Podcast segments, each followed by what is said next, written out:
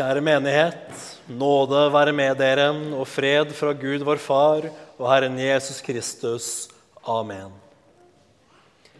Dette hellige evangelium står skrevet hos evangelisten Lukas i det første kapittel.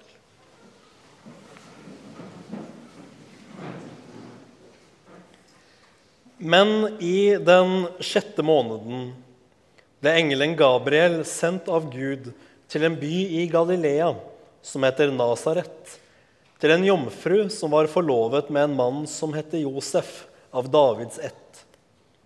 Og jomfruens navn var Maria. Engelen kom inn til henne og sa, Vær hilset, du som har fått nåde. Herren er med deg. Velsignet er du blant kvinner. Men hun ble forferdet over hans ord og grunnet på hva slags hilsen dette kunne være. Og engelen sa til henne, Frykt ikke, Maria, for du har funnet nåde hos Gud.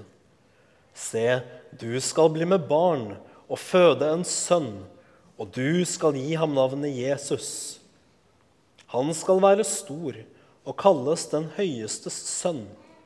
Gud Herren skal gi ham hans far Davids trone, og han skal være konge over Jakobs hus til evig tid og det skal ikke være ende på hans kongedømme. Men Maria sa til engelen, 'Hvordan skal dette gå til, da jeg ikke vet av mann?'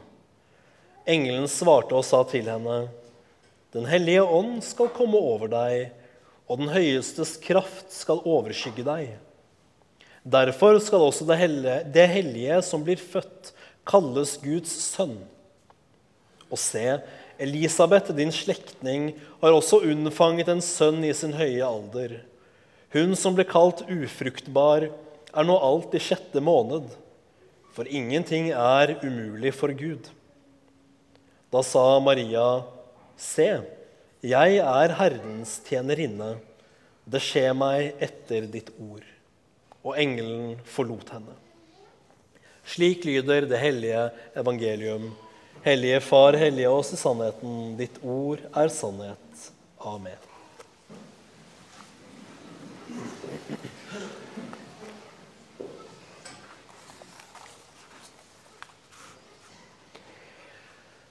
Våre forfedre hadde det med å uttrykke store og fantastiske ting i all nøkternhet. Det er litt som når man leser de gamle norske sagaer. Der kan, eksempel, der kan det f.eks. stå noe sånt som at så dro han med en hær gjennom Norge og ble tatt til konge. Og så går man videre til neste sak. Og så kan man bare tenke seg hvor mange år, hvor mye slit, hvor mange følelser, tanker, samtaler som ligger i denne ene setningen. Hvor mye som har utspilt seg som ikke direkte kommer frem. Og Lukas han formulerer seg ikke noe mindre nøkternt når han skriver men hun ble forferdet over hans ord og grunnet på hva slags hilsen dette kunne være. Ja, hvilket dyp av følelser og tanker hos Maria må det vel ikke ha vært her? Som ligger bak denne nøkterne beskrivelse av at hun ble forferdet og grunnet på hva slags hilsen dette kunne være hva rørte seg i Marias indre. Og det er jo ikke så rart. For det som skjer her med Maria, er virkelig noe av det store og sjeldne. Jo, vel, det hender at Gud forholder seg til mennesker gjennom engler, sine sendebud. Men det hører virkelig til sjeldenhetene. Ofte så ser vi at Gud taler til mennesker eller sender dem en engel i en drøm. Kanskje nettopp for at forferdelsen skal bli noe mindre når vi tross alt allerede er i søvnen og i drømmeland, hvor det fra før kan skje litt merkelige ting.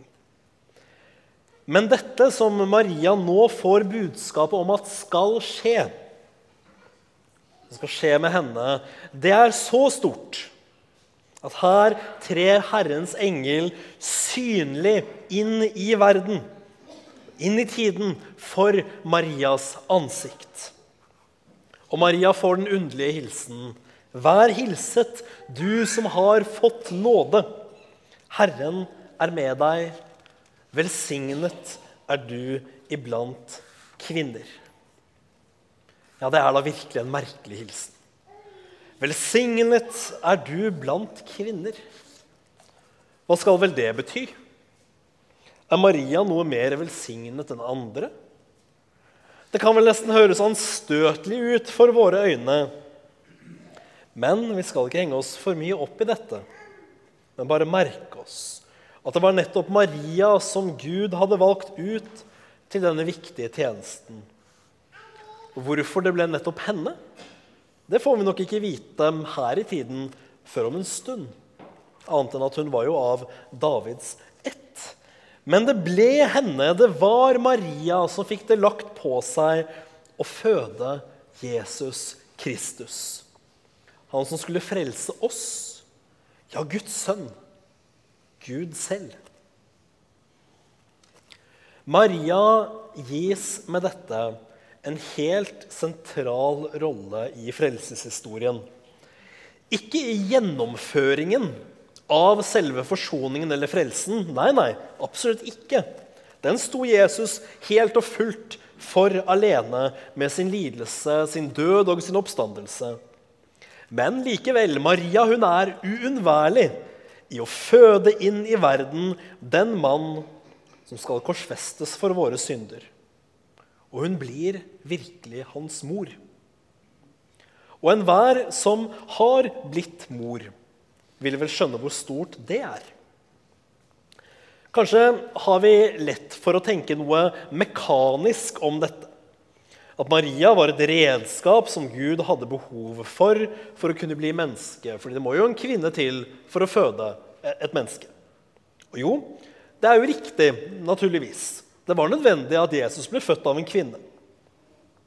For at treenighetens andre person, altså Sønnen, Jesus skulle bli sant menneske, så måtte han fødes av en kvinne. Men for Maria så var det nok ikke mekanikk i dette. Hun fødte ham virkelig ut av sin egen kropp. Og det morsbånd som hun må ha følt til Jesus, var alt annet enn fjernt og teknisk, som en teologisk læresetning. Ja, det var vel Gud selv hun holdt i sine armer. Det var Gud selv som hun diet ved sitt bryst. Men for Maria var dette hennes barn. Hennes lille gutt. Hennes Jesus. Velsignet er Maria blant kvinner for at hun brakte Jesus til vår verden. Og for at hun tok på seg morsrollens store kall når vår Gud fødtes inn i vår svakhet. Maria hun er vel på noen måter glemt i vår tid. Kanskje særlig her i Norge, og spesielt innenfor lutherdommen. I frykt for romerkirkens misbruk så har vi nesten kastet henne ut. Snakker man for varmt om Maria, så hviskes det om at mm, han er nok kanskje katolikk. Men hvis vi virkelig tror at Jesus er sann Gud og sant menneske, ja, da fikk han sin menneskelighet etter fødsel av en kvinne. Guds sønn, sann Gud, født av Faderen før alle tider, og sant menneske, født av en kvinne, inn i tiden. Og for dette så skylder vi Maria stor takk og ærbødighet. At hun tok seg av Herren da han var som svakest. Et forsvarsløst lite barn. Vi skylder henne takk for at hun la sitt eget liv til side. For det var vel ikke dette som var en ung kvinnes tanker og planer for livet? Vi skylder henne takk for nattevåk. At hun bar Herren på armen da gråten syntes uendelig. For vask og stell og alt det som hører med å ha et lite barn. Min kone er for øvrig for øyeblikket og, og passer noen barn som vi, er, som vi, er, venner med. Og jeg får løpende tilbakemeldinger om at det er mye arbeid. Maria hadde ikke noe mindre arbeid. Vi skylder henne takk for at hun virkelig ble Guds mor. Ja, for det var virkelig ingen hvem som helst Maria ble mor til her. Engelens tale var fulle av store og merkelige ord. Han skal være stor og kalles den høyestes sønn. Gud skal gi ham Davids trone, og han skal være konge over Jakobs hus, altså Israel, til evig tid, og hans kongedømme skal ikke ta slutt. Ja, så er vel dette virkelig da Guds Messias? Herrens tjener, som profetene i uminnelige tider har talt om. Og han skal hete Jesus. Storheten ligger i navnet. Ja, Du skal gi ham navnet Immanuel, som det betyr Gud med oss, leste vi i dag. Men Matteus legger til i sin beretning om da Josef fikk beskjed om at Maria skulle ha et barn, at han skal hete Jesus. For han skal frelse sitt folk fra deres synder. Og Maria hun bar nok med seg mange av de samme forventninger til Messias som flere på hennes tid gjorde. En konge, eller på andre måter mektig person, skulle tre inn i historien og gi israelsfolket Israels retten tilbake.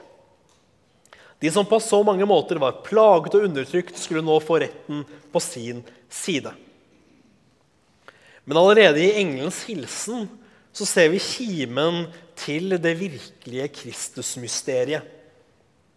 At det skal ikke være ende på hans kongedømme. Nei, dette ser ut til å være en annen slags konge. Og heller enn å fris fra jordisk undertrykkelse og urett så var det våre synder vi måtte fris fra. Ja, for hvem er vel vår hardeste undertrykker om det ikke er loven? Vår hardeste slavemester, som Paulus så greit beskriver med å si at vi var under loven. På alle måter var vi under loven. Den Guds lov som krever vår absolutte lydighet og etterfølgelse. Jesus sier hos Matteus.: For etter dine ord skal du bli kjent rettferdig, og etter dine ord skal du bli fordømt. Tolvte kapittel, hvis jeg ikke husker feil. Ja, og Vi kunne kanskje lagt til at etter dine tanker og etter dine gjerninger så skal du bli kjent rettferdig eller dømt. Der har vi lovens krav til oss. At den krever hele vår sjel, hele vår vilje, til trofast etterfølgelse til punkt og prikke, ja, da er vi under loven. Loven står med fast fot på vår nakke, knuger oss ned og krever alt av oss. Den sier, 'Du vil vel, vil vel bli rettferdig i Guds øyne.' Da må du bare gjøre som jeg sier. Men snubler vi bare i det minste komma i loven, så er den nådeløs. Den krever det minste fall og den minste misgjerning til regnskap mot oss, og minner oss om at selv den minste synd er absolutt fordømmelig i Guds øyne. For loven er Guds vilje. Den er hellig, og den er god, og Gud tåler ikke synd. Det er i lys av dette at vi virkelig kan se det store i det under at Gud selv lot seg føde inn i vår verden av en kvinne, akkurat som oss. Vi er alle her født av kvinner. Så også med Gud selv. Jomfrufødselen var virkelig nødvendig, da det var Gud selv som skulle bli født. Og det måtte skje uten manns medvirkning. Ingenting er umulig for Gud, og også dette kan gjøres. Og Vi kan jo også gjerne merke oss dette i engelens ord til Maria, at engelen sier Derfor skal det hellige som fødes, kalles Guds sønn. Altså fordi denne unnfangelse skjer ved Den hellige ånd og ikke ved en mann, så vet vi at den som fødes, er Guds sønn. Men altså født av en kvinne. Ja, Gud kunne vel, rent sånn teoretisk sett, etter sin allmakt og om det hadde vært hans vilje, ganske enkelt materialisert seg selv inn i verden, steget ned i en sky eller hva det måtte ha vært. Ja, det kunne han vel gjort. Greit. Men hadde det virkelig hatt kraft og evne til å forsone oss med Gud? Det er spørsmålet. For som Paulus viser, når Kristus er født av en kvinne, så har han virkelig gått inn i verden på våre vilkår, i vårt sted, under loven. Gud har faktisk blitt en av oss. Ikke bare tilsynelatende, men like virkelig som at Gud også har diet et kvinnebryst. Mer håndfast menneskelig enn det blir det vel ikke. Inn under loven. Dit måtte han gå for å kjøpe oss fri. Vi som var bundet som slaver under lovens mange krav til den totale hellighet og lydighet i ord og handling, i motivasjon, i tanker. Ja, hele vår livsførsel. En utålelig byrde. En byrde som våre mange daglige synder bare legger tunge stener til. Men vi skulle da virkelig frikjøpes av Gud selv. For det er når Jesus blir menneske, at vi virkelig kan tro at han har tatt våre synder på seg. For også han var et menneske, født av en kvinne og lagt under loven, under de samme betingelser som deg og meg. Som sann Gud syndet Jesus aldri i seg selv, men noe han gjorde. Som sant menneske var han likevel i stand til å ta på seg våre synder, som ikke var hans egne, som tilhørte noen andre. Som menneske kunne han ta de på seg. Og det var jo det han gjorde da han ble korsfestet da han bar alle våre synder på sin kropp, sin faktiske kropp, opp på korset, for der å slette dem ut. Så vi virkelig får tilgivelse i troen på hans død og oppstandelse. Jesus han får våre synder. Og hva får vi? Jo, vi får hans rettferdighet. For han var visst under loven, men han oppfylte loven til punkt og prikke. Alle de krav om perfeksjon og lydighet som jeg nevnte, som vi mennesker ikke klarer. Jesus har klart for oss alle dens krav. Alt. Perfekt lydighet i alt. Så vi virkelig kan si at etter loven var det ingenting å anklage Jesus for. Han var uten skyld. Denne rene rettferdighet legges på oss. Og det at vi får det, og Jesus for våre synder, det er det Luther kaller det salige eller det lykkelige byttet. Vi får hans rettferdighet i bytte mot våre synder. Men vi må gi Jesus våre synder. For Vi kan bare få dette hvis vi ikke vil ha våre egne gjerninger. Om vi har lyst til å klamre oss til våre egne lovgjerninger, ja, da kan vi vel få lov til å beholde dem, da. Det er greit. Men da skal vi få beholde både ondt og godt. Men da får vi heller ikke hans rettferdighet i bytte. Vi må gi alt fra oss til Jesus. Hver store og lille synd. Alt av våre forsøk på å rettferdiggjøre oss selv. Og han vil gjøre oss rettferdige fordi vi får del i han og det han gjorde. Han var under loven. Han var sant menneske. Det er vel også viktig, fordi det var virkelig menneskeslekten som bar skylden for synden. Og hva skjer da når Jesu blod renner fra korset? Jo, det er et menneskes blod som renner. Det er ditt og det er mitt blod som renner. Det er et menneske som tar straffen menneskene skulle ha. Men det stopper jo heller ikke der. For om et menneske, et, en som bare er et menneske, dør for synder, så er det ett menneskes død. Men Jesus er ikke bare menneske. Han er både sann Gud og sant menneske i en person. Så det er ikke bare menneskets blod som renner på korset. Det er Guds blod. Og når Guds blod renner, blodet fra Guds lam som ofres for verdens synd, da renner blodet for hele verden, ja, for alle mennesker, og har ubegrenset kraft til å forsone hele verden med Gud. Han skulle frikjøpe oss, vi som var under loven. Hvordan har han gjort det?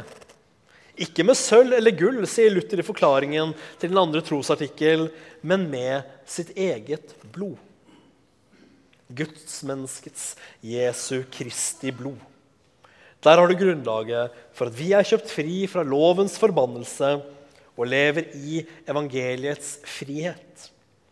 Der har vi grunnlaget for barnekåret, altså denne store og samtidig enkle sannhet. Det som er det skjønneste budskap i hele verden. At vi har gått over fra å være slaver under synden og loven til å bli Guds barn. Vi er ikke lenger Guds fiender. Jesus har forsonet oss med Faderen, så vi ikke lenger trenger å flykte for Gud, sånn som Adam gjorde, i frykt for straff for våre synder, men tillitsfullt kan nærme oss ham i vissheten om at han er vår kjære himmelske Far, og at han i nåde vil slette ut alle våre synder for Jesu Kristi lidelses, døds og oppstandelses skyld. Ære være Faderen og Sønnen og Den hellige ånd, som var, er og blir en sann Gud fra evighet til evighet. Amen.